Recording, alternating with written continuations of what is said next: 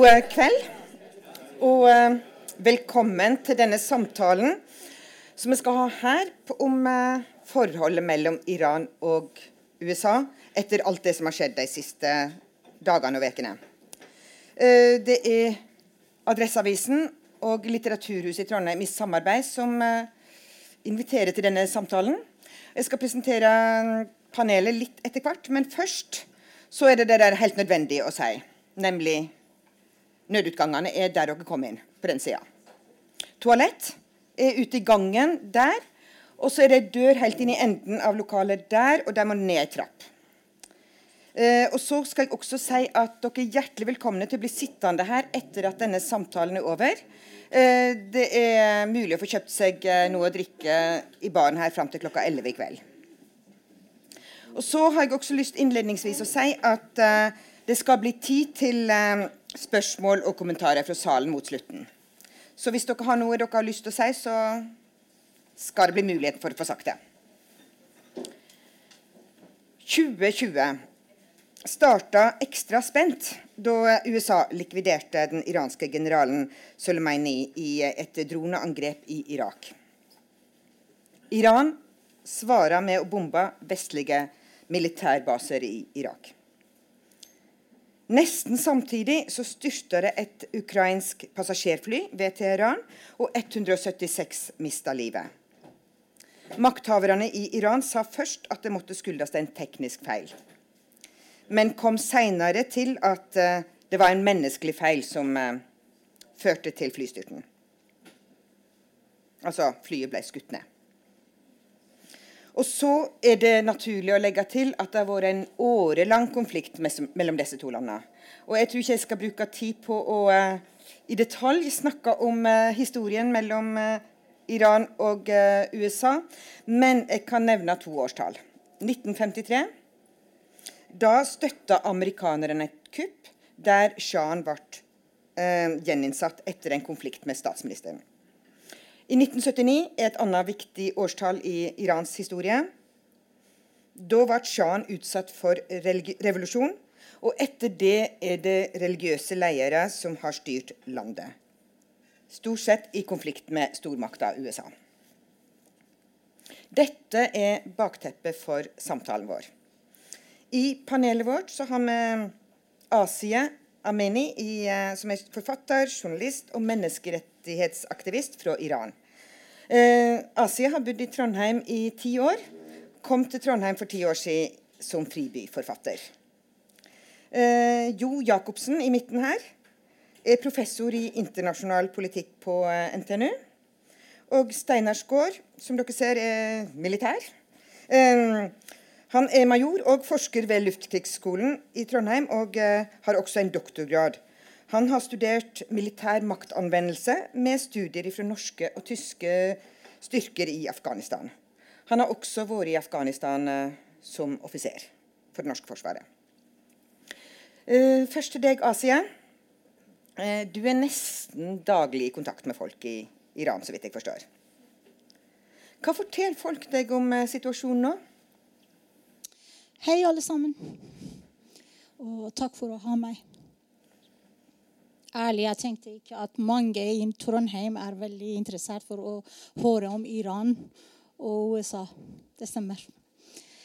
Uh, ja, for å forstå Irans situasjon i dag kan, som du sa, vi må kanskje tilbake litt tidligere. Hva, hva, skjedde i løpet av for det nyttårsaften her i, i Norge? Også kanskje to måneder for hendelsen som Qasem Soleimani ble drept. Eh, kanskje dere har hørt eller lest i avisene at eh, bensin ble dyrere eh, to måneder siden. Folk kom til gata for å protestere om, om uh, sine protest i den demonstrasjonen. Veldig stor demonstrasjon mot regimet. Men bensin- og økonomisk situasjon var ikke det eneste sak. Det var mye før den, som det uh, sak. Mye som folk kunne ikke vise seg folk kunne ikke si, fordi det var stor sensur i media. Alle media er styr, eh, styrer av, eh, av staten. Det er ikke ytringsfrihet. Eh, alle grupp, politiske gruppene, partiene, er ødelagt i løpet av 40 år. Sivilsamfunnet er ødelagt. Det er ikke stemme fra folk, side. Det er bare staten og støttende folk av, til, til, staten som kan si noe, kan vise noe. I denne situasjonen, pga. mange konflikter som Iran er involvert med i Midtøsten, F.eks. For, for å støtte eh, Hizbollah i Lebanon, for å støtte Bashar Assad i Syria, for å støtte mange eh, Shia-politigrupper, eh, militære grupper i Irak, i Jemen og noe annet. Så av alle konfliktene eh, var det mye for å vise seg at hva, hva folk vil og kan ikke si.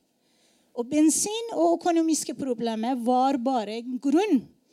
Folk viser seg at vi må kritisere. De har opplevd masse under regimet, ikke bare pga. diktatorskap. De hadde håp når f.eks. reformister kom. Mange kritiserte folk at du kan ikke stole på dem. Men folk som har opplevd en revolusjon, har opplevd krig, har opplevd diktatorskap, har opplevd fengsel, har opplevd tortur. De trengte en ny stemme, en, en ny De trengte håp. De ville bo, de ville leve. Derfor reformister kom opp på politisk situasjon. De, de, har fått støtte fra folk mange ganger. Men dessverre har ikke støttet folk da, når folk trengte dem. Dessverre. Den er sannheten. Tror du at um, disse demonstrasjonene som starta i november, handla om bensinpriser som ble dobbelt så dyre? Ja, bensinpriser det, det, var med en gang. En gang bestemte de at bensinpris eh, ble tre ganger mer bare ikke tenk at mange sa, spurte meg at hvor mye det ble. Det er ikke sak. Saken er at pga. sanksjon, pga. Uh, økonomiske problemer, pga. masse situasjon i Iran Folk mistet sin makt i økonomi. De ble fattigere og fattigere. Og med en gang ble øktet uh, bensin til tre ganger var mye for folk.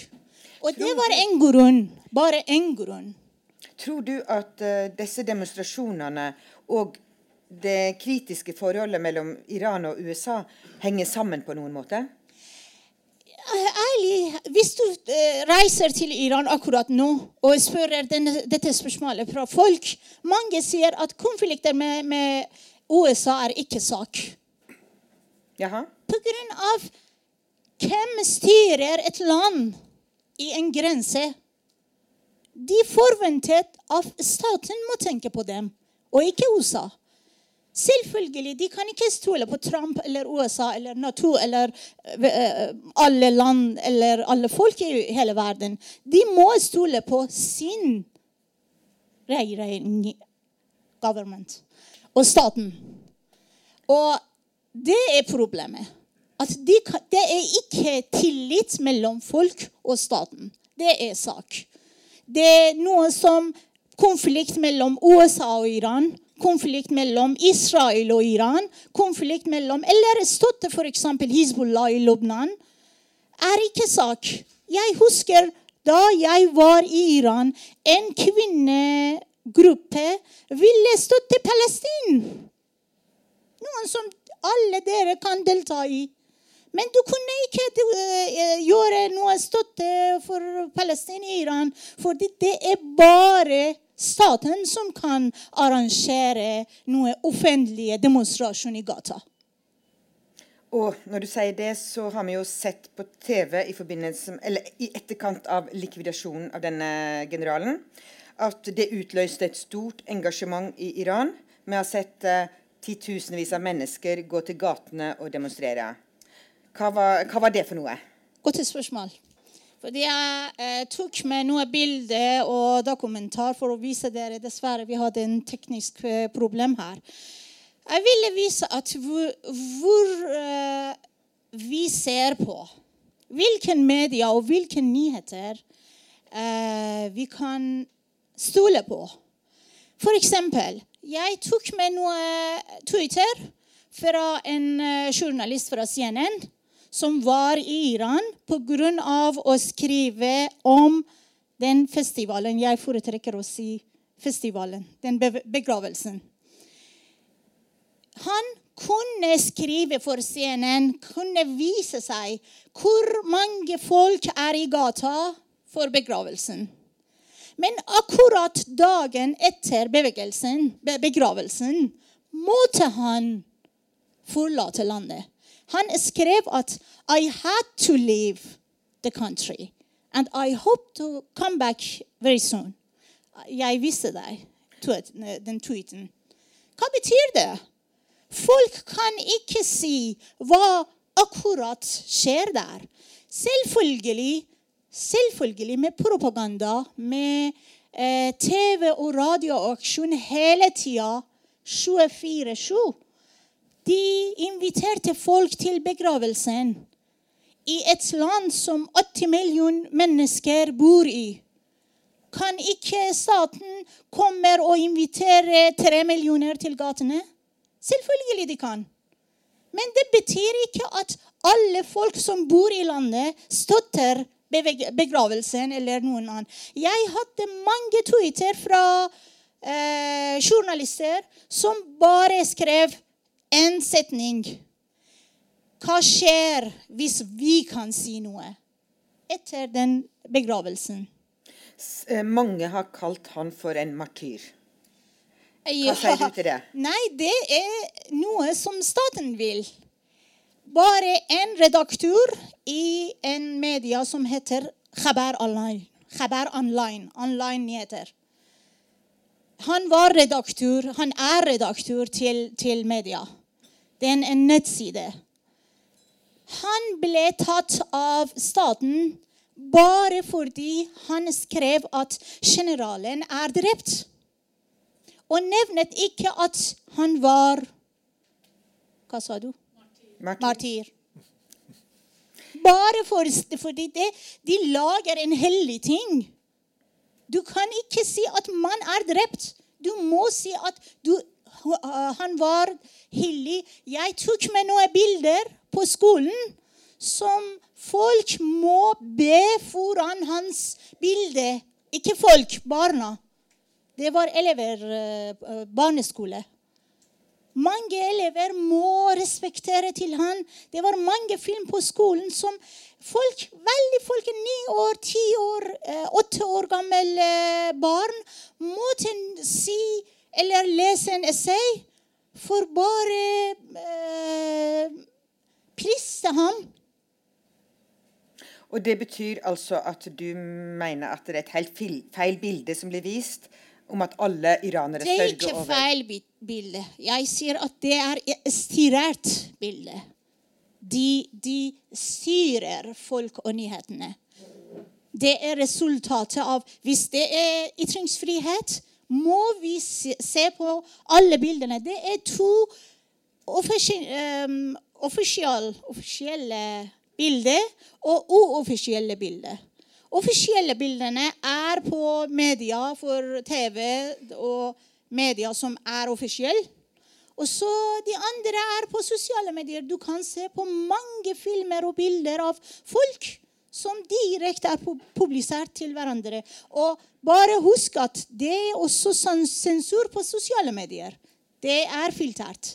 Men folk uh, bruker masse, mange uh, antifilter bare for å vise at hva, hva vil vi?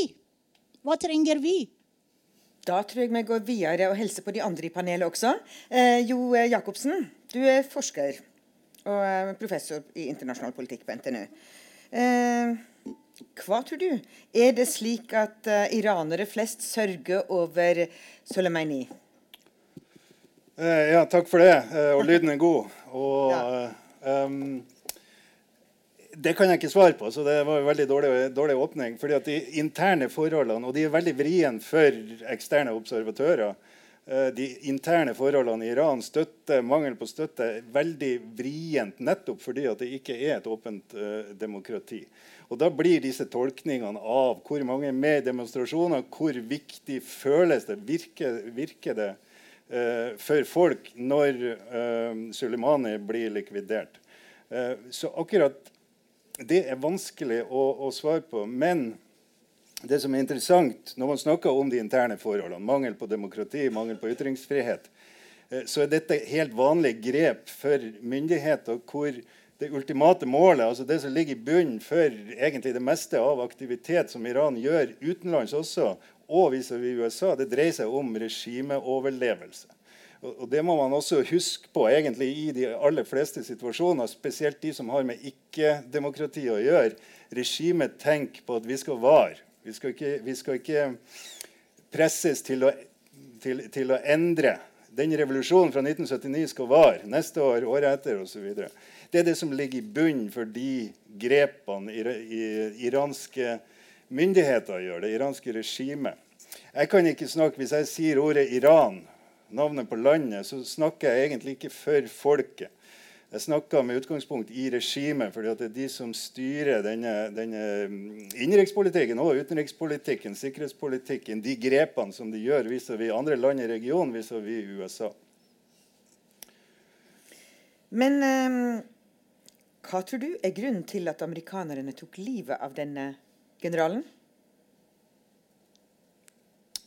det er lettere å svare på. Eh, for å si Det sånn. Det, det har jo vært, som man har fått med, fått med, seg, veldig dramatiske dager. Det har vært dramatiske dager, fra med, spesielt fra og med romjula. Den spente situasjonen begynte riktignok i 2018, eh, som vi sikkert skal komme litt tilbake til, da USA trakk seg ut av atomavtalen. fordi det endra egentlig eh, bildet ganske dramatisk. Altså når du nevner 1953-1979, så er det to viktige årstall. 2018 er faktisk eh, også et særdeles viktig årstall. Eh, 2003 er et viktig årstall fordi, fordi amerikanerne invaderte Irak, som åpna opp kan du si, for en ny strategisk, geostrategisk virkelighet i regionen. Eh, men det som skjedde fra romjula var en ekstra eskalering. Eh, og det begynte for så vidt ikke med likvidering av Sulemani. Foranledninga var eh, det amerikanerne antar er iransk og Sulemanis direktiver til ei sjiamilits, Qataib Hizbollah, i Irak, som angrep en, en uh, irakisk militærbase hvor det var amerikanere. Og én person ble drept. Og én person er egentlig nok i denne konteksten når denne personen enten er amerikansk eller har en link til, til USA. Men han var uh, amerikansk. Jobba som tolk for, for amerikanerne. Uh, og amerikanerne svarte på dette noen dager etterpå med et ganske massivt angrep mot denne Qatar-Hezbollah-organisasjonen både i Irak og Syria. Uh, og, og, så fikk du denne ambassadedemonstrasjonene. Muligens forsøk på storming osv. Det er i den konteksten at amerikanerne har behov for å signalisere avskrekking, egentlig. For å avskrekke iranerne, for å signalisere at, at de har trådd over ei grense. For amerikanerne tolker det som skjer i Irak, som Iran sitt verk det, det, er den kan du si, det ryggmargsrefleksen. At her er det, her er det Sulemani, her, her, er det det iranske regimet, kuddstyrken, eh, som, som, står bak. Og, og, Litt av problemet for amerikanerne er det som skjedde i 2019, altså i fjor, hvor man hadde en rekke dramatiske hendelser iranske angrep, eller det man antar er iranske angrep mot tankskip, iranske nedskyting av amerikansk drone, det var jo sommeren i fjor, og så kanskje mest dramatisk, selv om nedskyting av droner ble veldig dramatisk, og det lå et, et, et krigspotensial der, eh, angrepet på saudiarabiske oljeinstallasjoner som da skjedde i september. Fra amerikansk hold så er det et problem faktisk at de ikke svarer på noen av de angrepene. Og, de, og signaler man gir til Iran, er at de i den konteksten de er, med det behovet de har for å sende signaler til amerikanerne, da går enda lenger i angrep. Det er sånn amerikanerne tolker det her. Altså et behov for å si at det blir konsekvenser hvis amerikanske styrker blir angrepet, hvis amerikanske interesser blir angrepet. Eh, det blir konsekvenser. Så det er høyst sannsynlig i denne konteksten man må se likvideringa av, av Sulemani. Og så har vi en militær her. Eh, Steinar Skaar, ja. var det klokt det amer eh, amerikanerne gjorde da de tok livet av han? Det er et godt spørsmål. Eh, jeg tror ikke det var klokt. Hvorfor ikke? Eh, det er forståelig. Eh, og det er forståelig for denne militære, eller den logikken da, eh, som, som Jo snakker om. Så, så, er det forståelig at du ønsker å, å svare på eh, atferd som, som, som, man ikke vil, vil ha noe av. Eh, men eh, jeg tror ikke det er klokt for av, flere årsaker. For det første så kan det selvfølgelig føre til en eskalering i et område som allerede er eh, nokså volatilt. Og så er det også det at man har ofte en tro på det å som vi sier, altså kutte hodet av slangen. Så slutter slangen å virke. Eh, og I dette tilfellet så var altså Soleimani var da hodet på denne slangen, altså kudsbevegelsen, for å være eksakt, som da er en, en gren av, av den eh, revolusjonsguiden. Eh, og det tror jeg er uklokt fordi, av flere årsaker. For det første så eskalerer du potensielt eskalerer situasjonen. Det har vi sett litt, men egentlig ikke så mye enda i hvert fall. Eh, og For det andre så eh, vet du ikke hvem som kommer i stedet for Soleimani. Og det kan godt tenkes at vedkommende som kommer i stedet, for det kommer alltid noen i stedet for, eh, har et ønske om å være minst like aggressiv Eh, og minst like utagerende som eh, Soleimani da muligens har vært. Eh, så det, uten å trekke inn for mye, altså Min erfaring fra Afghanistan indikerer at hvis du fjerner noen som du kjenner, så kommer det ofte noen som du ikke kjenner, og som du da har mye vanskeligere for å kontakte og snakke med og etter hvert føre diplomati med.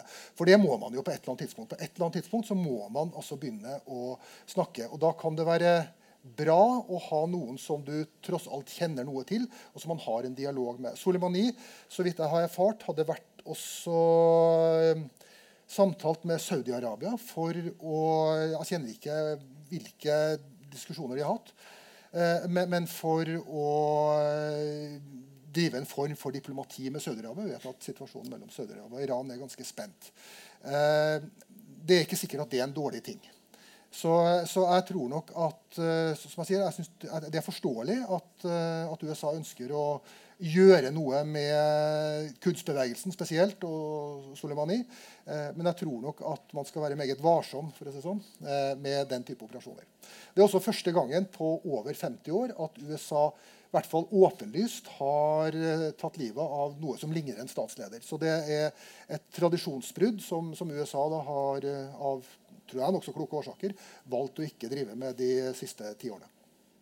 Og dette drapet førte jo da til en slags gjengjeldelse i, militær, i vestlige militærbaser i uh, Irak. Ja. Men det så ut til å gå ganske etter måten bra. Ja, altså Iran rapporterte jo at det var 70 amerikanske soldater som var døde. Det tror vi vel ikke noe på. Amerikanerne har rapportert at det var ingen som døde. Og det var nok eh, et litt mer dramatisk angrep på den leiren enn hva man først fikk inntrykk av. Men, men eh, det jeg tror der, at det er også helt avgjørende for Iran å svare på likvidasjonen av Soleimani. Et stikke så mister de ansikt. Det er altså farlig. Og de mister altså troverdighet blant sin egen befolkning. Jeg tror det er helt riktig at regimet sin primære drivkraft er regimets overlevelse. De må svare. altså Det følger av den logikken. Men de kan ikke svare for mye. Hvis det hadde blitt drept 70 amerikanske soldater, så er det altså helt åpenbart at da må USA svare. De kan altså ikke være en stormakt med troverdighet hvis man ikke svarer på det. Og da har vi spiralen gående. Så jeg tror det var viktig for Iran å gi et svar som de kan bruke internt, men som ikke var av en sånn karakter at det vil provosere USA. Og Uttalelsen fra Trump indikerer jo at det synes å ha lykkes ganske godt. Så heldigvis gikk det ikke noen liv. Eh, verken norske liv, 70 norske soldater i den leiren, eller, eller amerikanske liv. Eh, og Så får vi nå da se om det her er eh, en slags avrunding av den umiddelbare situasjonen, eller noe som kommer til å utvikle seg videre. Det er jo vanskelig å si noe. Asie, hva er ditt uh, syn på, uh, på uh, denne gjengjeldelsen mot militærbasene? Ja, jeg vil bare ta litt avstand mellom den dramatiske situasjonen og ser på den igjen. At hva, hva skjedde? Var den eh, hendelsen bare pga. amerikansk angrep mot eh, Soleimani? Eller noen i Iran også hadde interesser i å drepe ham? Selvfølgelig, vi kan ikke gi dere fakta. Men jeg sier at mange, motsatt den bildet som er vist av uh, iranske medier, er mange glade i myndighetene, ikke folk.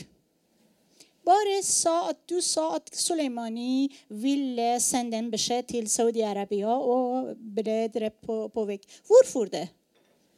Et land må sende beskjed gjennom militære grupper til staten i en annen land. De har ikke f.eks. utenriksminister. Hva gjør det?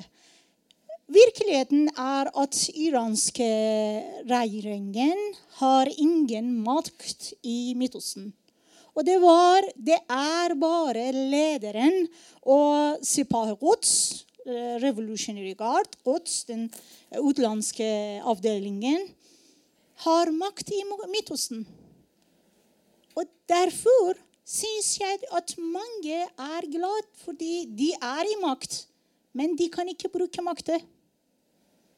Nå snakker du om eh, når du sier mange er glade for de er i makt. Hvem snakker jeg, du om da? Jeg sier at konflikter som vises ikke i staten offentlig, er, står i, i, i myndighetene i Iran. Og mange som viser seg at de er veldig trist pga. hendelsen, er glad. Fordi de, de har mistet makten pga. han. Han hadde direkte kontakt med Nasrullah. Bare se på f.eks. Hans, eh, hans datters foredrag i begravelsen. Hun kaller eh, Hizbollahs lederen Nasrullah onkel Hassan. Hva betyr den? Onkel Hassan. Det var direkte selvfølgelig forhold mellom dem og mange i Lebanon, i eh, Irak, i Syria, i Jemen og kanskje i de andre land. Selvfølgelig mange i landet som følger opp av f.eks. avtale med, med, USA, vil ikke makte til ham fordi han var problem til dem. Hvis de vil gå videre til avtalen, måtte han bli drept. Steinar Skaar, du vil gjerne si noe på et eller annet tidspunkt her i stad? Ja, kort, eh, bare, bare til, til, til, begge. Da, når det gjelder Soliman, altså Han ble tatt livet av nå. Eh, men man må ikke tro at eh, det her er noe som amerikanerne kom på i januar i år. Eh, dette har de tenkt på lenge. Altså, dette har de antagelig tenkt på tilbake til sånn 2006-2007. Eh, og, eh, og, det kan jo også være at nå har man også en, en konkret mulighet Eh, for, for, det har vist seg at eh, hvis man ønsker å, å håndtere den type folk, eh, så er det altså ofte ganske godt beskytta. Nå hadde man en mulighet, og, og, så ble det tatt en beslutning. ikke sant? Så, så, så, man må ikke tro at det skjer noe i desember og januar som at å, da må vi gjøre noe med Soleimani. Soleimani har vært på den amerikanske target list, for å bruke et for meg da, kjent begrep, antagelig ganske lenge. Kan jeg spørre en ting? Hva er problemet til uh, den avtalen, atomavtalen med USA mellom Iran og USA? Ja. kan begge to svare på det? Kanskje du uh, fordi, fordi jeg, uh, Ifølge av hva sa jeg? Jeg syns at han og Sipa var en, et problem. Det var ikke demokratiet i Iran. Det var ikke folkets stemme. Det var ikke f.eks. menneskerettighetssituasjonen. Det var han som var problem. Skal vi få eh, videre på hva var problemet med denne atomavtalen? Jeg kan, jeg kan kanskje si litt, litt, om det. Atomavtalen som egentlig da strekker seg tilbake etter lange forhandlinger til 2015 da, mellom Iran og, og, USA og en del europeiske land, Tyskland, Storbritannia, Frankrike, EU som sådan, Russ, eh, Russland og Kina. Da. Det var denne avtalen som ble inngått i 2015, som la begrensninger på Iran sitt atomprogram under den frykten fra de andre partnerne, ikke Iran, men under den frykten at Iran hvis man ikke fikk til en avtale, vil kunne ta steg på steg på steg for å utvikle atomvåpen.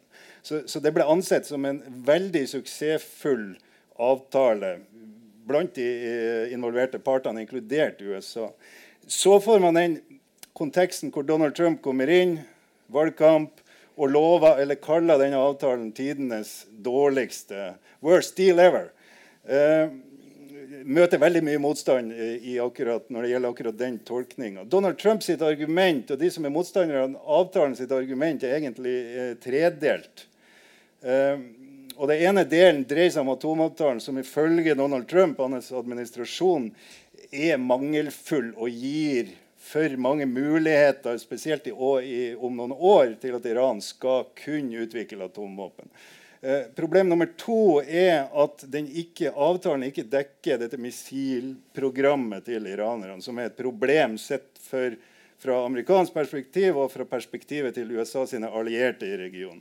Og Det tredje, som kanskje er det aller største problemet, er det vi ser veldig mye nå for tida. Det er disse proxy-krigerne, eller disse militsene, som, som, uh, som Iran støtter Eh, i Irak, Shia-militser i Irak, i Libanon, Hezbollah, i Jemen til dels med, med, med Houthi-bevegelsen, og også uh, i, i, Syria, både gjennom Hezbollah og en del Shia-militser. Uh, sånn at USA peker da på tre problemer. og Donald Trumps utgangspunkt var at nå skal vi rive opp avtalen og vi skal skape en vi skal presse Iran gjennom knallharde økonomiske sanksjoner helt til de kommer tilbake til forhandlingsbordet og vi får denne altomfattende avtalen som rommer alle de tre tingene. Det går ikke. Eh, det, det kan man si ganske klart. fordi at Iran sitt regime sin eksistens avhenger av de to andre tingene. Ikke av atomprogrammet, men av missilprogrammet og støtten til disse militsene utover der. Men poenget her er egentlig at det som skjedde i 2018, ville uvegerlig ført til økt spenning i regionen. Det betyr ikke at det nødvendigvis er feil. Man kan si sant, at ting, går, ting, blir verre før de blir bedre. Nå tviler jeg veldig sterkt på det, men, men tilbake i 2018 så, så, var det helt klart at vi kom til å få økt spenning etter hvert. Og det kommer vi til å fortsette å ha i, i 2020 for den saks skyld. Er du enig i dette, Skår? Ja. Eh, jeg vet ikke så mye om atomavtalen, så den, den, skal jeg avstå fra å kommentere mye på. Men, eh, men det som synes å være tilfellet, er at den eh, nokså kraftige eskaleringen fra Iran sin side den skjedde etter at atomavtalen ble skrota av, av, Trump.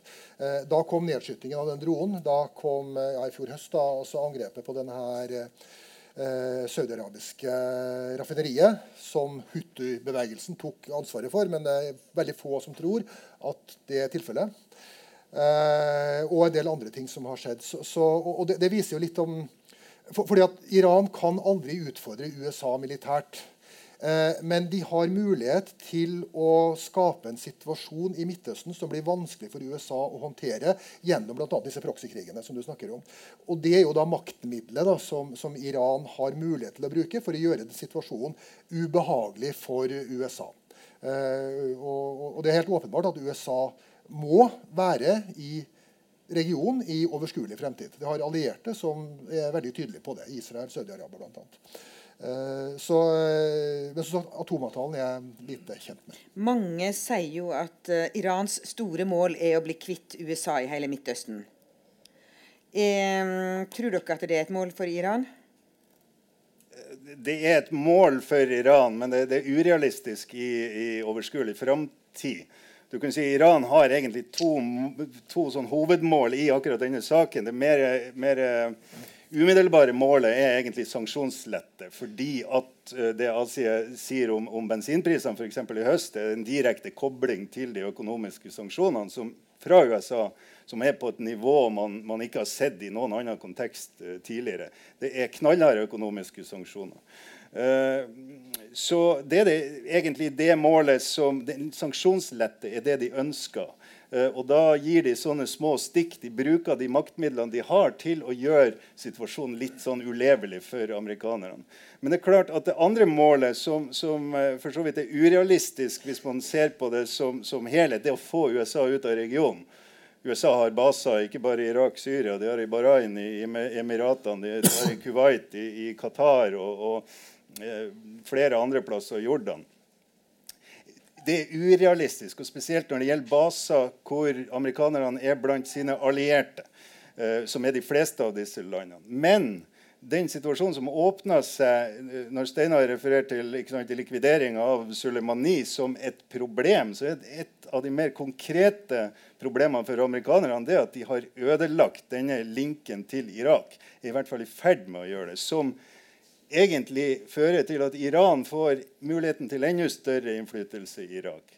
Eh, så for å svare litt mer konkret på spørsmålet I noen land hvor Irak helt klart er det mest sentrale, så kan amerikanerne risikere å måtte pakke sammen og dra.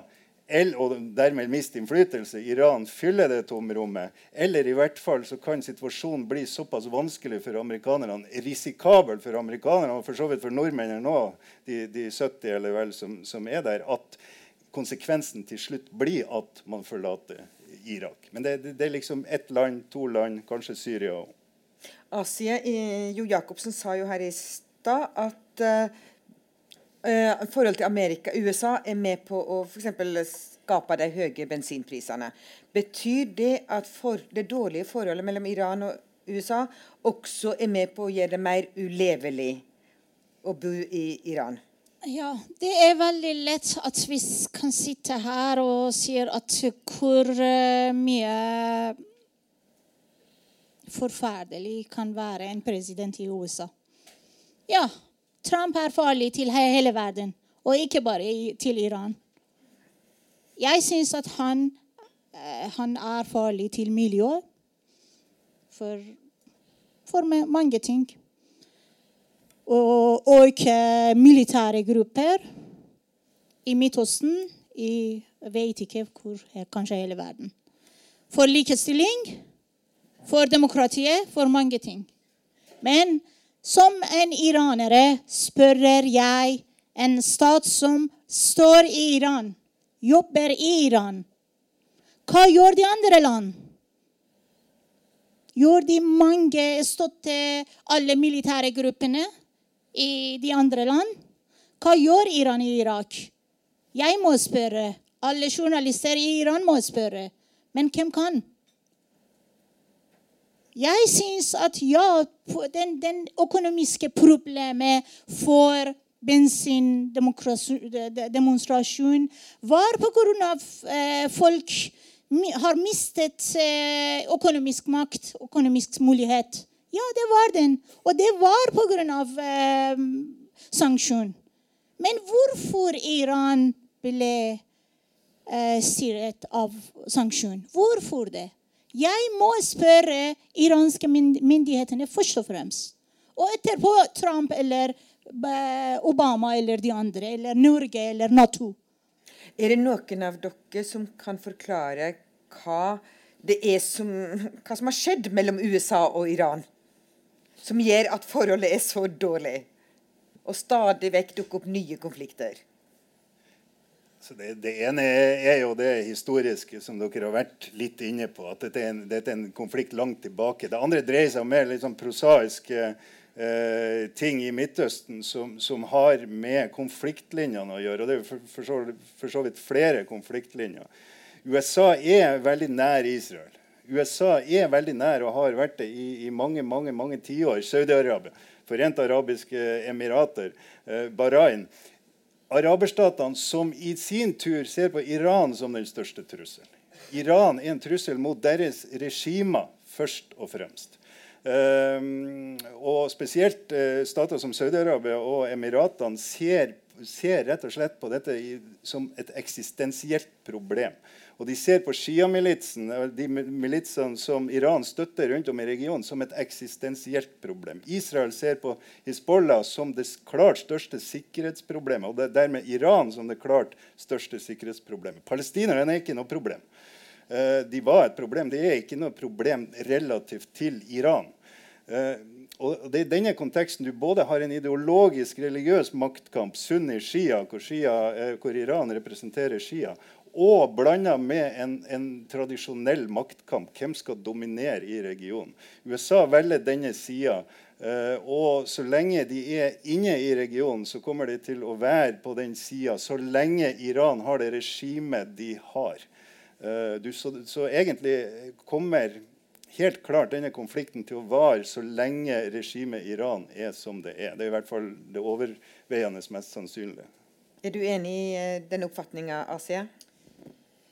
Uh, litt. ja, men jeg, jeg syns at uh, det er to saker som vi Når vi analyserer en ting, hva, hva sitter vi og hva ser vi på? Iranske folk i Iran vil demokratiet, vil et, et liv som alle. Men demokratiet ikke, er ikke basert på, på bare diplomasi, som f.eks. reformister folket opp med atomavtale eller de andre diplomasi med vestlige land. Demokratiet er basert på Grunnloven og noe i ytringsfrihet, frihet til sivilsamfunn, til media, til partier, politiske grupper i landet. Og da er det naturlig å spørre tror du på demokrati for Iran? Ja, selvfølgelig. Vi kan, vi kan eh, fortsette diskusjonen til mange år når vi har ikke demokrati i Iran. Folk trenger eh, dignity for landet sitt. Folk trenger verdighet for ja, Iran? Eh, verdighet, ja. Folk trenger likestilling. Folk trenger en vanlig liv. Og uten demokrati, uten frihet, uten likestilling, er det ikke mulig. Vi kan, vi kan være uenige om, om, USA og Iran, eh, militære situasjon, for, for mange ting. Men hva er sak til folk som sitter i Iran, står i gatene, fortsatt demonstrasjon? De vil dignity, de vil verdighet, de, de trenger frihet for å bo. Hvor redd var folk i Iran for en krig nå? Eh, vi, vi, kunne ikke sove her i Norge også. Mange barn spurte foreldrene sine at er det en mulig krig? Selvfølgelig. Folk liker ikke vold. Folk, vi, vi har opplevd åtte år krig med vår nabo. Men samtidig de trenger frihet, de trenger verdighet. Det kan ikke være en parallell. Vi kan ikke velge å støtte fra USA eller å støtte fra en diktator. Det er urettferdig, jeg tror. Men mange som snakker om krig, snakker om du må velge støtte fra USA. USA kan begynne en krig. Nei, selvfølgelig. Eh, folk trenger ikke krig. Trenger ikke eh, vold. Men hvordan vi kan få fred uten vold, vi må tenke på den. Er det grunn til å tro at uh, situasjonen mellom USA og Iran nå har roa seg? Eller uh, kan det vente på en ny eskalering der de uh, skal gjengjelde hverandre sine ugjerninger? Hva tror du, Steinar? Altså, det er først veldig vanskelig å si. da. Eh, nå har det tilsynelatende roa seg litt. Jo er litt mer pessimistisk her.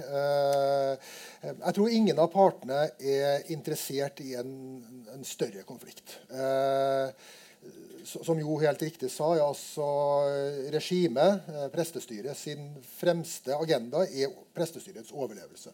Eh, det minner meg litt om en av de gangene jeg var i Afghanistan og snakka med noen som hadde makt, og de lurte litt på det her demokratiet. Hvordan var det nå det? Eh, jo, da stemmer på folk, og noen må gå. Og de som har makt, gå. Hvorfor det? Vi har jo fått makten. altså Maktens hensikt ligger i å beholde den. ikke sant? Har du først fått makt, så, så gir du ikke fra deg den frivillig. Det, det er altså eh, en helt annen måte å tenke politikk og styring på. Og, og dessverre så er det slik for diktaturer, og, og spesielt denne type, så, så, blir altså maktopprettholdelsen et mål i seg selv.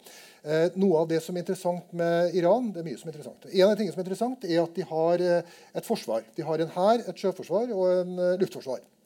Så har de revolusjonsgarden, som også har en hær, et sjøforsvar og eh, en, eh, luftforsvar. ikke sant? Eh, og, og, tyngden av de gode systemene, de gode midlene, går til revolusjonsgarden. Revolusjonsgarden er der først og fremst for å ivareta regimets overlevelse. Eh, og den er ganske lojal, og den er ganske stor, og den er ganske, ganske hardtslående. Eh, slik at det synes som at det at folk tar til gatene Det skal mye til da før det blir en ny revolusjon i Iran, tror jeg. Eh, så tilbake til spørsmålet ditt. Eh, Fare for storkrig? Ja, eh, jeg, jeg, tror den er, er, liten, rett og slett for at eh, partene har Ingen av partene vil være interessert. Det sa man for så vidt før første verdenskrig òg, eh, men eh, uten at det hjalp. men i, i dette tilfellet så vil det være i hvert fall en storkrig som er ordentlig stor, vil være svært vanskelig å håndtere tror jeg, for, for regimet, selv om de får da en, den gode fiende. Trump har jo vært veldig tydelig på at han ønsker å redusere amerikanske militære ekspedisjoner til eh, Afghanistan, Irak. Eh, det har vært liten appetitt for å gå inn på bakken i Syria, Libya. Eh, så jeg tror nok at partene og talen til Trump etter denne aksjonen mot Soleimani indikerer jo at han er interessert i en altså nedskalere det her. Så er det en veldig eh, flyktig situasjon. Uh, og hvis det skjer noe mer av det som skjedde med det ukrainske flyet, så kan det kanskje være det som gjør at den eskalerer. For du får en feil, du får et eller annet som har svære konsekvenser, det er uoversiktlig, og så begynner det ene å ta det andre. Det tror jeg kan være en, eh, en, mulig risiko. Men jeg tror ikke at partene med viten og vilje kommer til å gå inn i en situasjon hvor det blir en større krig. Det er vanskelig for å se. Jo Jacobsen? Ja, nei, Helt enig. Jeg skal ikke ha det på meg at jeg er for pessimistisk. For det, men, men, eh, men, eh, og som Steinar egentlig har lagt ut om ingen av partene, og det er egentlig fordelen her, ingen av partene er interessert i det her. Verken Donald Trump eller iranerne. Og for Iran så vil det øke den eksistensielle eh, trusselen hvis det ble en full krig, et amerikansk angrep mot Iran. Men det er, som du rettelig henviste til, første verdenskrig gir kanskje det beste bildet på de spiral, mulige eskaleringseffektene som hvor, hvor ting kan gå gærent. Og i denne konteksten så var det svaret Iran gjorde, denne hevnen de gjorde den ble jo kalibrert på en måte egentlig som, som gjorde at det var kraftig, en kraftig advarsel. Men man drepte ingen, som igjen da førte til at man unngikk press. Amerikanerne unngikk å bli pressa til å svare på det angrepet. Men det i denne saken, altså i sånne saker så kan ting gå gærent. Og det er så veldig lett. Jo flere kriser du får i 2020, jo større er den totale muligheten for at ting eskalerer til en full krig. Må nesten heim att, som det heter. um, er jo, Norge er jo representert i, uh, også i Irak.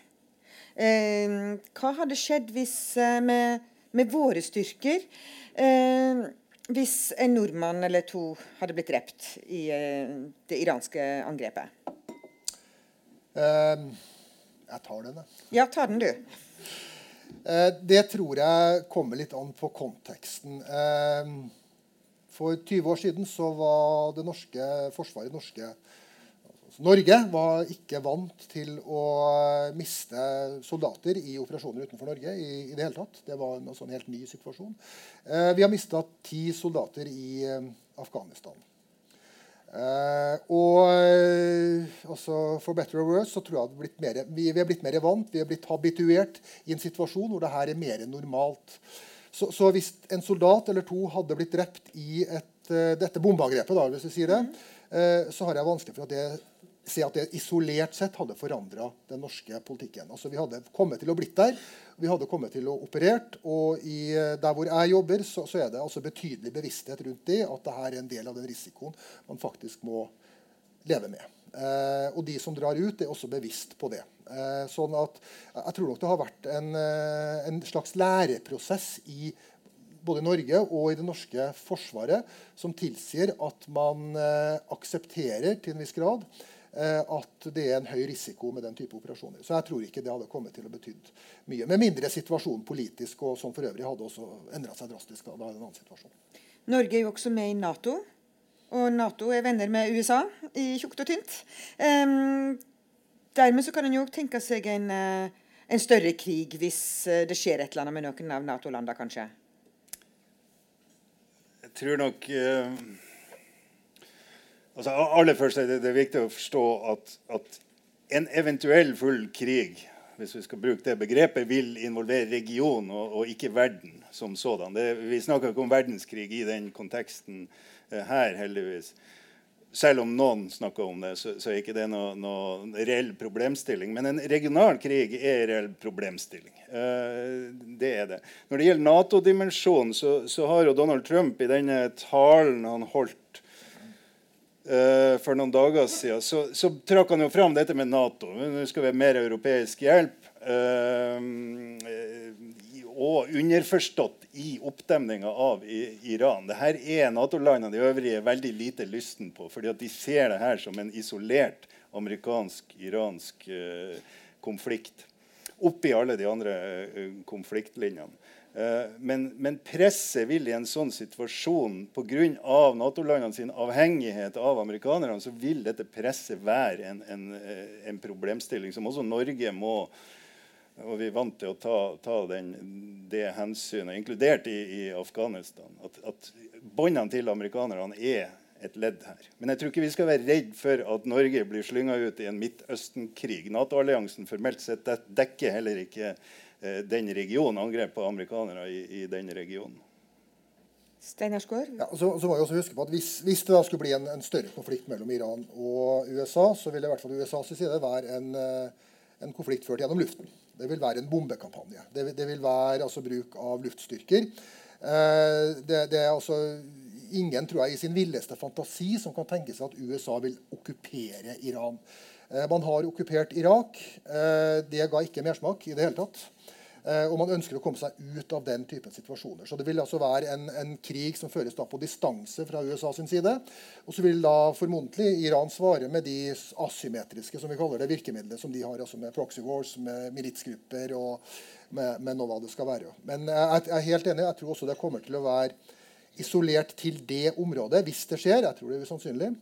Jeg tror ikke heller at faren for en sånn veldig stor krig er til stede. fordi at de andre stormaktene, så Kina og Russland spesielt, er altså fullstendig uinteressert at det skal skje.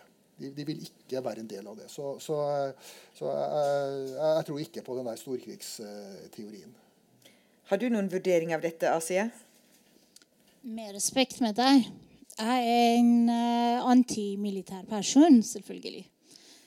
Jeg følger opp, og jeg håper at uh, ingen krig kanskje i, i Midtøsten. Ikke bare i Midtøsten, i hele verden. Og så hvis vi snakker om uh, atomavtalen, snakker ikke bare om atomavtalen om Iran. Vi snakker også i, om atomavtalen i, i, USA, i Russland, i Israel, i Nord-Korea, i India, Pakistan, i hele verden. Hvis vi snakker om miljøet, miljøet til, er til jorda ikke bare i Iran. Og selvfølgelig, vi følger opp ikke en, en annen krig i Iran. Vi snakker om hvordan kan folk passer forbi situasjonen uten vold. Det er håpet som jeg tror at jeg synes at vi må jobbe på. Og jeg synes at uh, verden kan støtte. FN må ha mer makt i Midtøsten i denne situasjonen. Ikke, ikke, bare tenk på at uh, hva gjør Nato. Nato er bare avtale mellom noen land, ikke til hele verden.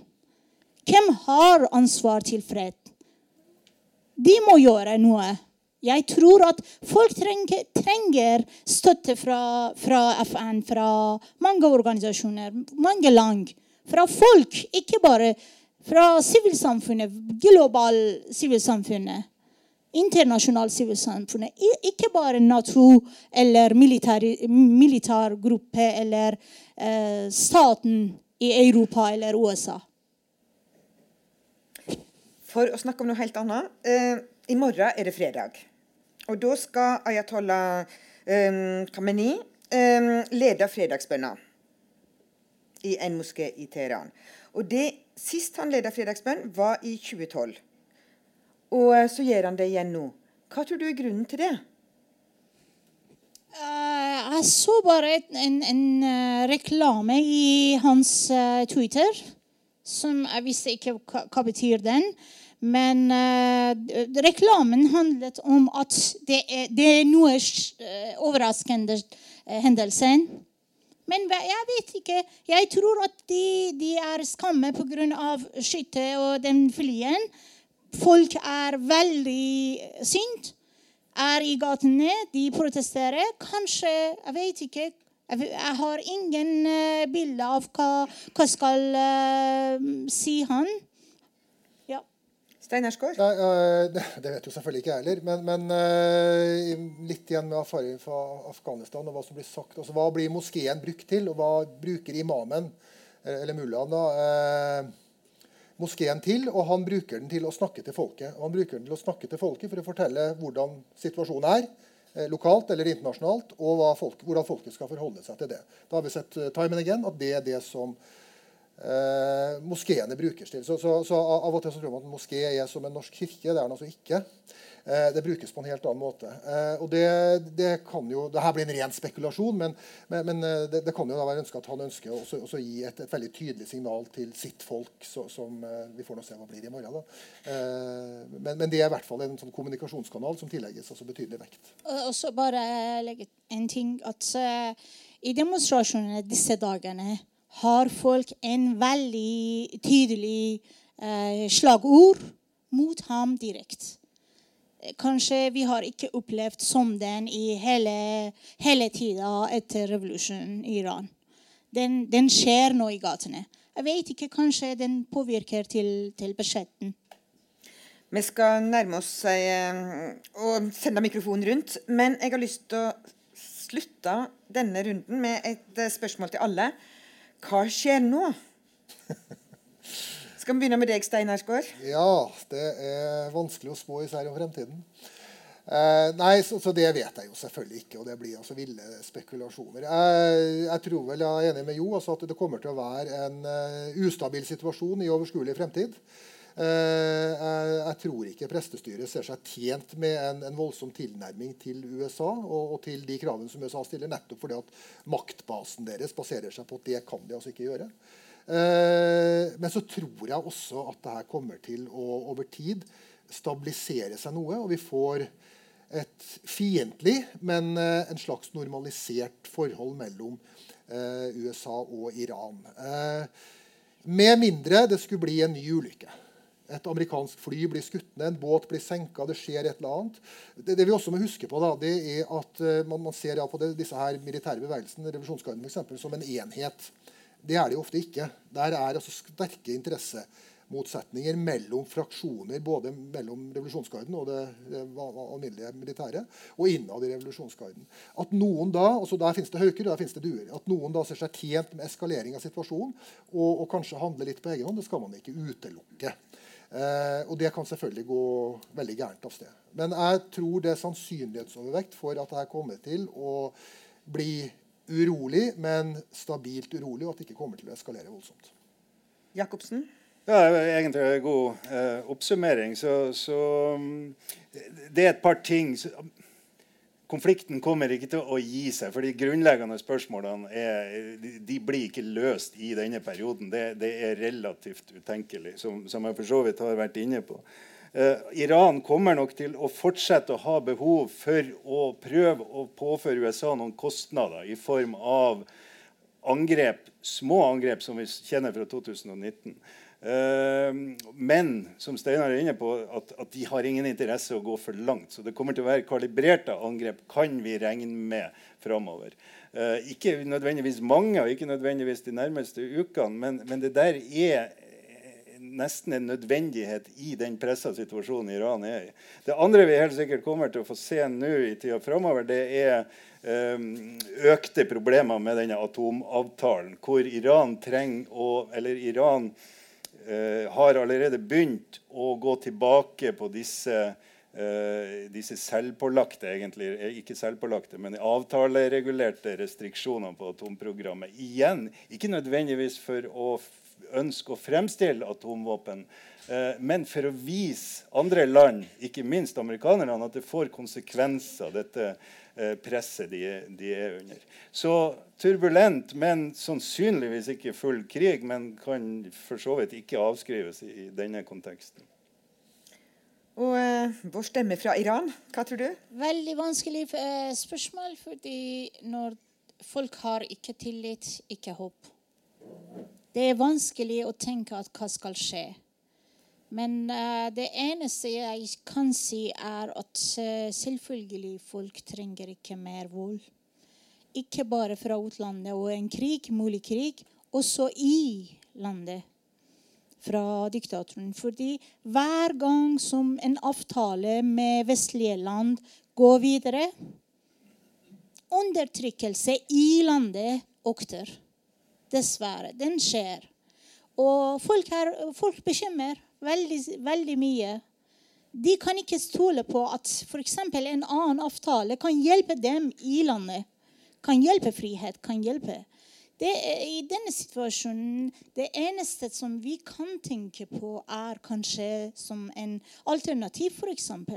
Som dessverre vi kan ikke stole på opposisjoner også. Det er ingen opposisjoner som mange folk kan stole på. Uh, kanskje. Jeg vet ikke. Vi må håpe. Skal vi da uh, høre om det er noen uh, Nå skal jeg gå ned slik at jeg får se alle. er det noen som har Spørsmål? Kommentar? Der. Tusen takk for ei veldig interessant samtale. Um, men jeg sitter med uh, et spørsmål, uh, og det er hva skal, liksom, hva skal verdenssamfunnet gjøre? Fordi det virker som uansett hva verdenssamfunnet gjør hvis, hvis mål, La oss si at målet er eh, regime eller ei, det er én ting. Det viktige målet må jo være at eh, folk i Iran skal ha gode levekår. Og hva skal verdenssamfunnet gjøre for å sikre det? En militær intervensjon okay, det vil gi mer vold, sivile tap. Det er utelukka. Handelsblokade for å presse regimet. Det gjør at eh, bensinprisen går opp eh, tre ganger. Og det fører ikke til noe bedre. Skal, skal, han holde seg helt unna og la ting ture og gå, eller hva, hva skal han finne på for å bedre situasjonen? Takk. Har du lyst til å svare? Mm. Det eneste som jeg kan si, at, at uh, selvfølgelig Den som har ikke skjedd mye, er å støtte sivilsamfunnet, støtter sivilsamfunnet. Uh, situasjonen til folk, organisasjoner, f.eks. ytringsfrihet til menneskerettighetssituasjoner for sivilsamfunnet, media og de andre, er uh, ødelagt i landet. Jeg tror at det er veldig viktig å høre på dem, å høre på folk.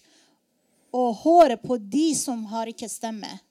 Og dessverre har ikke stemme i media i vest, også, vestlige land også. Det er mange journalister som kan reise til Iran, er sensurert av regimet. Og fordi de vil fortsette jobben der, sensurerer eh, dem selv. Jo, så ut som du hadde lyst til å svare noe, du òg. Ja, jeg kan for så vidt uh, legge til at um, det finnes la oss si, elementer i den amerikanske administrasjonen som ser på denne, det de kaller maximum pressure-kampanjen som, eh, som, som, en mulighet til å få regimeendring i Iran. Eh, det, det, er helt tydelig. Sånne ting er veldig vanskelig å gjøre gjennom eksternt økonomisk press. Og det skjer veldig sjelden at du lykkes med målene. Det skjer at du lykkes med å ødelegge den iranske økonomien, men det er en helt annen ting å kan du si, effektuere den, den endringa. Men, men, det er mange som håper det i USA. Det, det er det. Du òg ville si noe? Ja, veldig kort. Altså, det er vanskelig for meg å si hva man skal gjøre. Jeg tror i hvert fall man kan hva man ikke skal gjøre. Man må ikke dekomponere den iranske staten. Jeg tror man er mer tjent med en stabil iransk stat eh, med et styre som vi misliker, eh, enn noe annet. Noe annet har vi sett i Irak, vi har sett det i Syria, vi har sett det i Libya nå sist. Eh, så, så jeg, jeg, tror nok at man må jobbe med de maktkonstellasjonene som de facto har makt. Eh, og jeg tror nok da dessverre litt mindre på å jobbe med mann og kvinne i gata. For de har altså i praksis veldig liten innflytelse. Man må jobbe gjennom diplomati, gjennom å trekke det inn i meningsfulle diskusjoner eh, så langt som mulig. Eh, og militærmakt tror jeg da, så at man skal være veldig veldig varsomme. Peder Martin Lysestøl. Ja, takk for interessante innlegg. Eh, jeg syns dere er veldig snille, vil jeg si. Og eh, kanskje litt lite strategisk. Altså, Jeg har reist i Midtøsten de siste 40 årene. Og for årene fra 20 år siden og tilbake så var Midtøsten kjempeinteressant, kjempekoselig og, eh, og fredelig, relativt fredelig. De siste 20 årene er Midtøsten helt ødelagt. Fra land til land. Altså ikke bare Iran. Og som dere vet, så har det vært kriger hele veien. Og som vi også vet, så har USA stått bak eller hatt en finger med i nesten alt som har skjedd. Uh, og da oppfatter jeg, når du jo uh, sier at uh, årsaken til konflikten mellom USA og Iran henger sammen med regimet i Iran, så er det fordi regimet i Iran ikke gjør som USA vil. Og Det er det store problemet nå. Det fins ett regime i Midtøsten i dag som ikke gjør som USA vil, og som er såpass sterkt at det har innflytelse over Midtøsten. Og en opponent til USA, og det er Iran. Det er et kjempeproblem for folk i Iran, som blir utsatt for den amerikanske aggresjonen mer enn noen andre. Og jeg vil si at Spenningen i Midtøsten nå er såpass alvorlig at mange frykter faktisk ikke bare en region, regional krig, men kanskje også en verdenskrig. Men en regional krig er mer enn nok. Det dreier seg om en krig hvor hundrevis av millioner mennesker er involvert. Så jeg syns dere bagatelliserer alvoret litt i det som skjer. Uh, og uh, bør være klar over at strategisk må det ses USAs interesse for både å sikre oljeinteressene, som har vært det viktigste hele tida. Altså Midtøsten har fortsatt 60% av verdens olje. Så Midtøsten er viktigst for USA. Og også for å sikre, ISA, sikre Israel som sin sterkeste allierte. Og, og, Det gjør at USA nå er ganske drastisk. Og ydmykelsen av Iran er, har vært ganske alvorlig. For det første den tøffe boikotten. Og den var skikkelig tøff. Og for det andre altså, eh, dronedrapet på Sulemania, hvor de bryter menneskeretter og hva som helst, går i et annet land og dreper en person. Sånn har Israel drevet en god del med, men USA har ikke drevet så mye med det. Vi kan sannsynligvis, sannsynligvis vente mer av det i framtida. Altså, det her er alvorlig. Eh, så har jeg et spørsmål til dere. Eh, den eneste som var orientert om drapet på Sulemani, var Netanyahu i Israel. Og I Harets, israelske avisa Harets påstås det at det var Israel som ga etterretning til hvordan Sulemani beveget seg. Og Spørsmålet er i hvilken grad har Israel vært med på, eller er Israel med på det som foregår nå i, i, i trusselen mot og angrepet mot Iran? Takk. Ja, Det kan vel hende at de både har lyst til å svare på siste spørsmål og svare litt på om de har vært for snille. Jo, uh, først. Ja, ja ta, takk for, for uh, interessant innlegg og spørsmål. for snill Jeg kan vel si en mann uten moral i de Prøver å være en mann uten moral når det gjelder tolkninga av disse tingene som skjer. Det vil si at USA har sine interesser. Uh, Iran har sine interesser. og det, det, er for så vidt ikke mitt anleggende å bedømme de interessene. Uh, så ærlig må jeg være. Uh, men når det gjelder det du konkret sier, så stemmer det jo selvfølgelig. Og man kan, man kan ta den åpenbare saken at det som skjedde ja, Du kan gå tilbake til 1953, statskuppet CIA osv. I, i Iran eh, og den etterfølgende perioden med, med, med, med sjahen. Du kan gå til 2003 og den fullstendig mislykka eh, invasjonen når man tenker på utilsikta konsekvenser. Du kan gå til den, den uforbeholdne støtta til Israel som går ut over andre normativt sett, altså moralsk sett, så er det problemer med det. Uh, men i hvert fall i mitt, min jobb er å prøve å tolke de to sidene, og for så vidt flere sider òg. Eh, hva er deres interesser? Hvilken strategi legger de? Hva er konsekvensene? Ehm, når det gjelder det konkrete spørsmålet, altså Israel og USA i denne sammenhengen samarbeider veldig tett og har felles mål. Og Det hører med til historien at Israel er veldig aktiv når det gjelder angrep på de, de militsene som, som iranerne støtter, ikke minst Hezbollah og de interessene de har eh, i Syria. Så det foregår flere ting som vi mer sjelden hører om enn akkurat den Iran-USA-saken. Steinar Skaar, og så skal jeg si litt. Ja, eh, jeg skal OK, takk. Eh, ja, altså, jeg, jeg ser jo poenget ditt. Jeg, jeg, prøver også å være litt sånn eh, Ikke diskutere normativt her, men også deskriptivt. Eh, eh, så tror jeg nok at eh, bildet som du drar, kan nyanseres en god del. altså I hvert fall hvis man står i en sånn politisk realistisk skole. Uh, av og til så har man en, en, en forestilling at, at, USA som den store strategen, som, den store, liksom, som, som har en klar plan for hva de vil i Midtøsten. For de av oss som har lest en, en god del da, om eh, forløpet for revolusjonen i Irak i 2003, som var en strategisk blunder av dimensjoner, så indikerer at det ikke er tilfellet. Uh, litt som en elefant i glasshus, ja.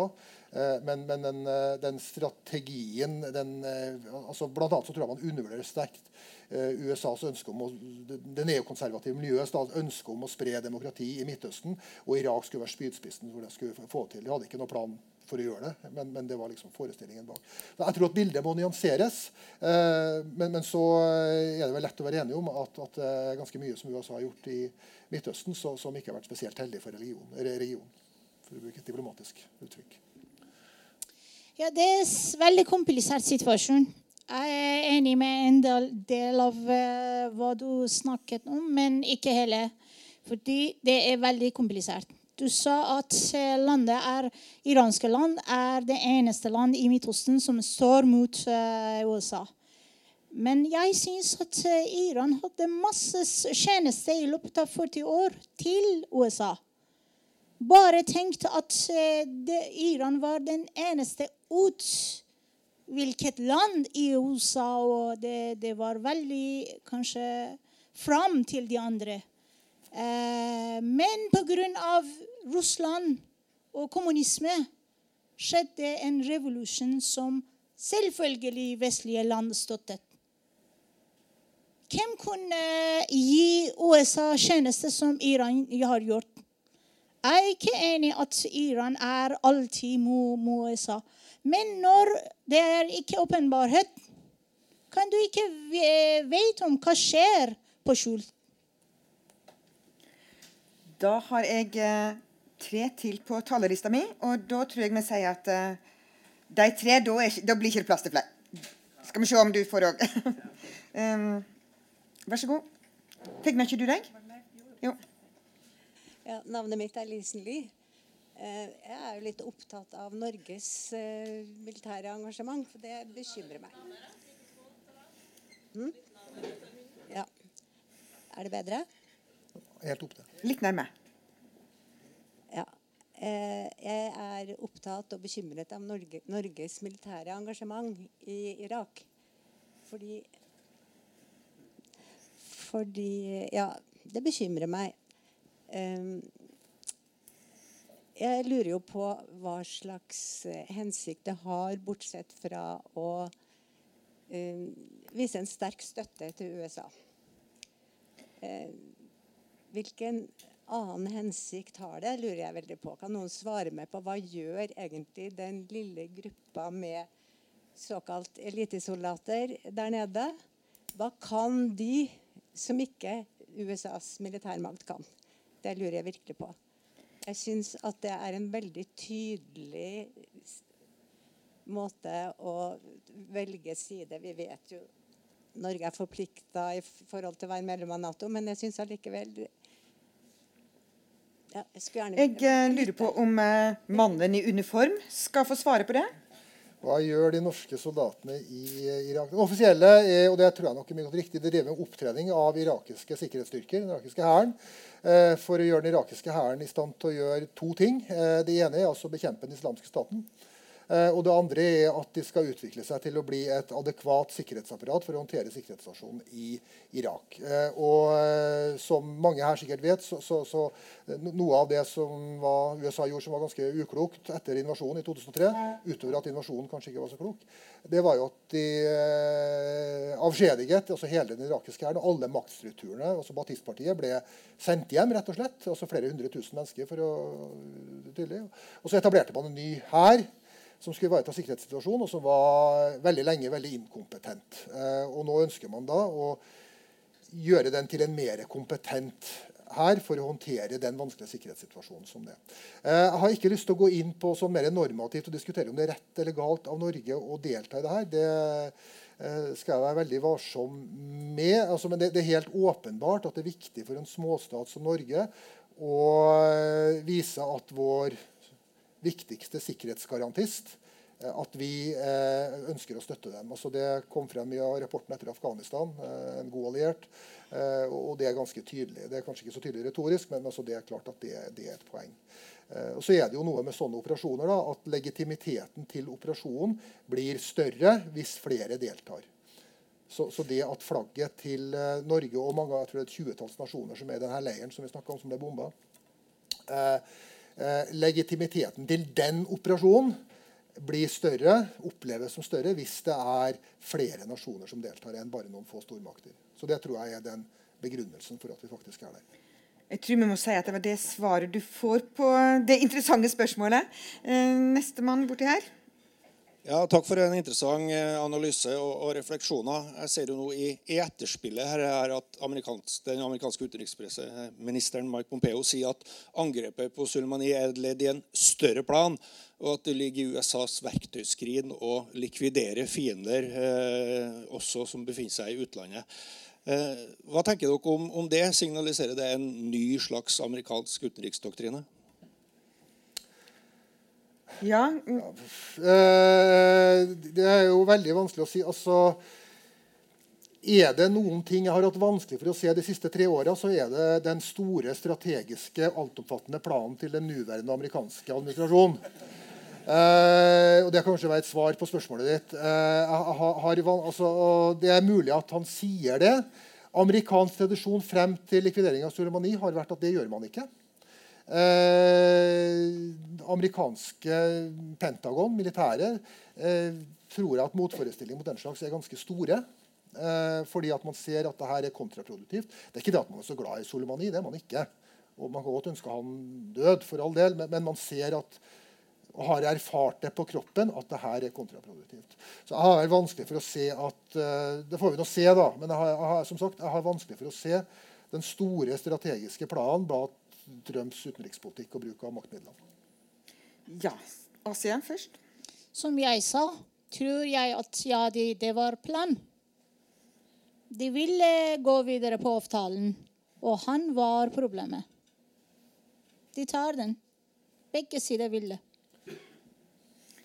Ville du, eh, Jo Jacobsen, også svare på dette?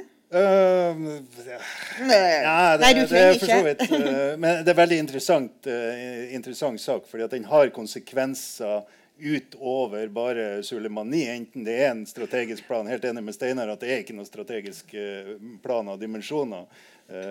Men, men den, den, vil ha visse sånn normative føringer. Også konsekvenser for et land som faktisk som, som Nord-Korea hvis det her er en sak som kan skje Amerikanerne altså det, det, gir konsekvenser langt utover uh, denne situasjonen. Men igjen, altså, det er ikke noe, noe, noe sånn grand plan her. Det er ikke det. Da har vi en borti her. Eh, hei, mitt navn er Mohammed, og mitt spørsmål går direkte til professor Jo. Eh, jeg lurer på å komme tilbake litt det angående det ideologiske maktkampen i Midtøsten mellom Iran og Saudi-Arabia. Det viser seg at Qatar gikk jo for å møte Iran nå nylig etter de angrepene. Eh, hvordan eh, analyserer du bildet av at Qatar prøver å involvere seg som en ny makt i den ideologiske kampen, eller er det pga. at de ikke er så på godvilje med Saudi? Ja, det er veldig interessant, den diplomatiske konteksten. for det, det, det er en del konfliktlinjer her som er problematiske. Altså, Qatar er fryst ut av, av de som var de, de, nærmeste allierte til Qatar, altså Saudi-Arabia, Emiratene, Bahrain og, og, og, Egypt, for å være, være, veldig konkret. Så de manøvrerer i et annet rom nå. Det vil si at Forholdet mellom Iran og Qatar er bedre nå enn det var for tre-fire år siden. Eh, og så har vi den pussige situasjonen for noen dager siden at, at sultanen i Oman, for å bringe inn et nytt land, Kabus, han, han døde.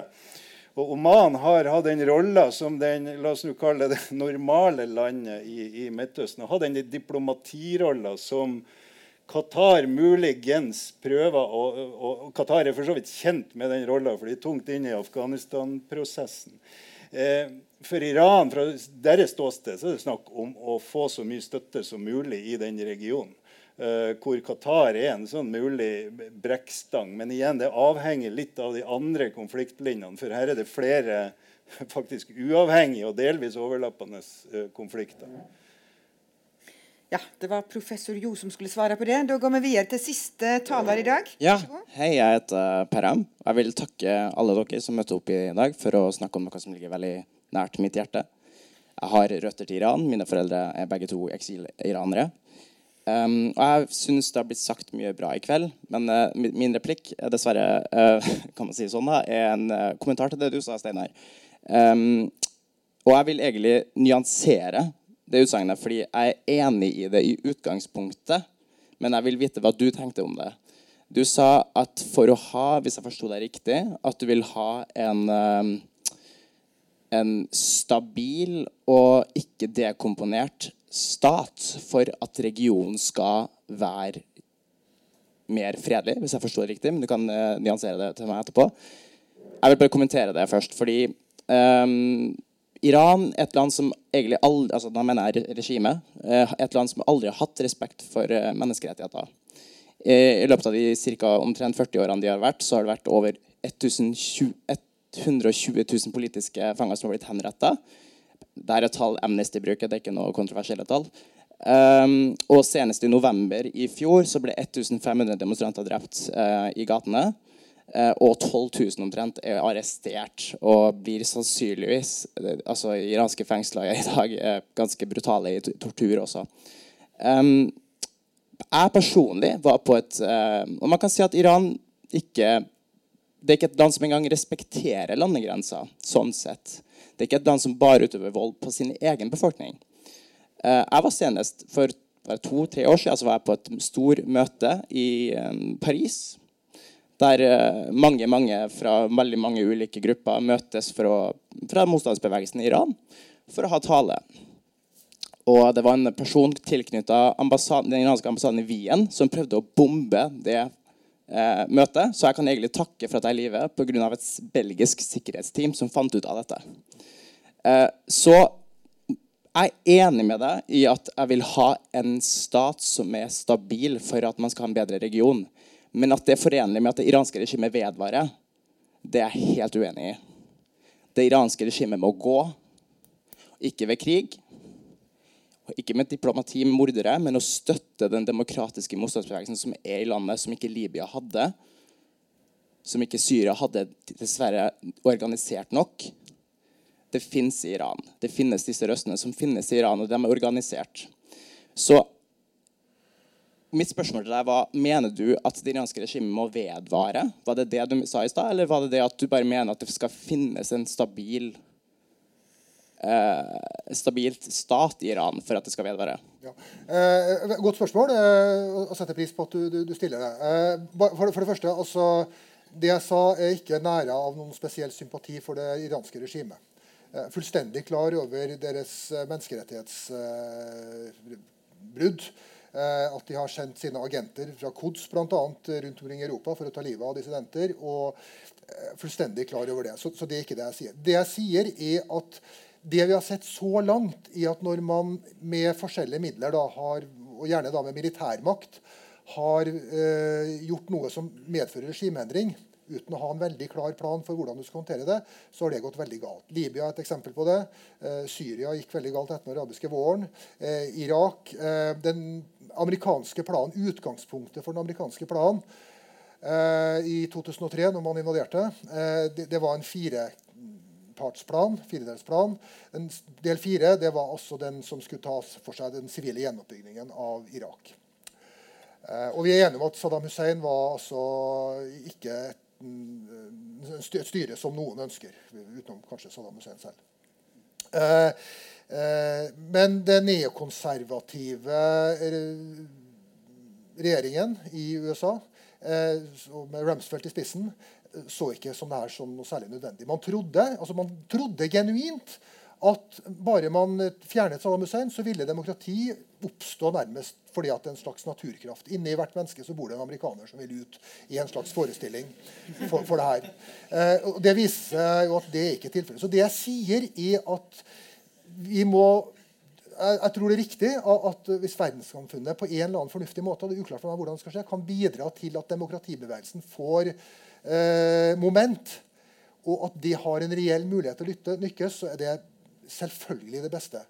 Men det jeg tror vi ikke skal gjøre, å gjøre et eller annet militært eventyr eller et annet eventyr som gjør at regimet destabiliseres og faller ned i en borgerkrigslignende tilstand med fraksjonsvirksomhet, med eh, etnisk basert eh, intern vold osv. Noe alle som skjedde i Irak. Og Det må vi unngå. Eh, jeg har jo ikke svaret på det. Men jeg tror vi skal være veldig varsomme med å bruke i hvert fall militærmakt USA i dette tilfellet, på en måte som vil destabilisere regimet, som gjør at du får en enda mer uoversiktlig situasjon. Da tror jeg man må jobbe med de eksisterende strukturene så langt mulig. Det, med mindre noen kan svare bedre på det, så er i hvert fall det jeg tror. Asie Amini, du eh, kan kanskje ikke si så mye om hva han mente, men du kan kanskje si noe om eh, at regimet må gå, og, eh, og at det må bli demokrati. På hvilken måte? Så skal du få siste ordet med å si noe om det. Jeg gjentar de som jeg kan høre fra landet. Som mange dem, i demonstrasjon, folk og på sosiale medier, hva de kan ha, sier at eh, de vil endringen. De trenger demokrati. Og det problemet er Grunnloven på en eh, ja, de, de, snakker om stabilitet. Stabilitet kan ikke være på en ustabilt uh, grunnlov. Uh, eller ulikestilling eh, grunnlov. Ufrihet grunnlov. Grunnloven er sak i Iran. Jeg tror at ja, mange vil at regimet må endre seg eller må gå. Men eh, spørsmålet er hvordan og hvem skal komme. Det er store spørsmål.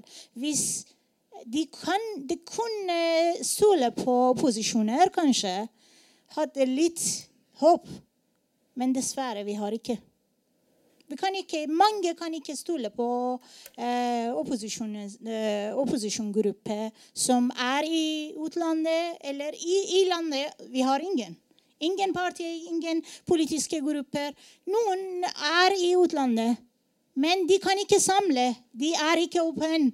De kan ikke samarbeide med de andre politiske grupper. Og hvis du kan ikke, det er et problem. Tusen takk. Da sier vi takk for oss, og jeg kan takke panelet. Asie Amini, forfatter eh, og fribyforfatter i Trondheim. Eh, jo Jacobsen, professor på NTNU. Og eh, major Steinarsgaard. Takk for oss.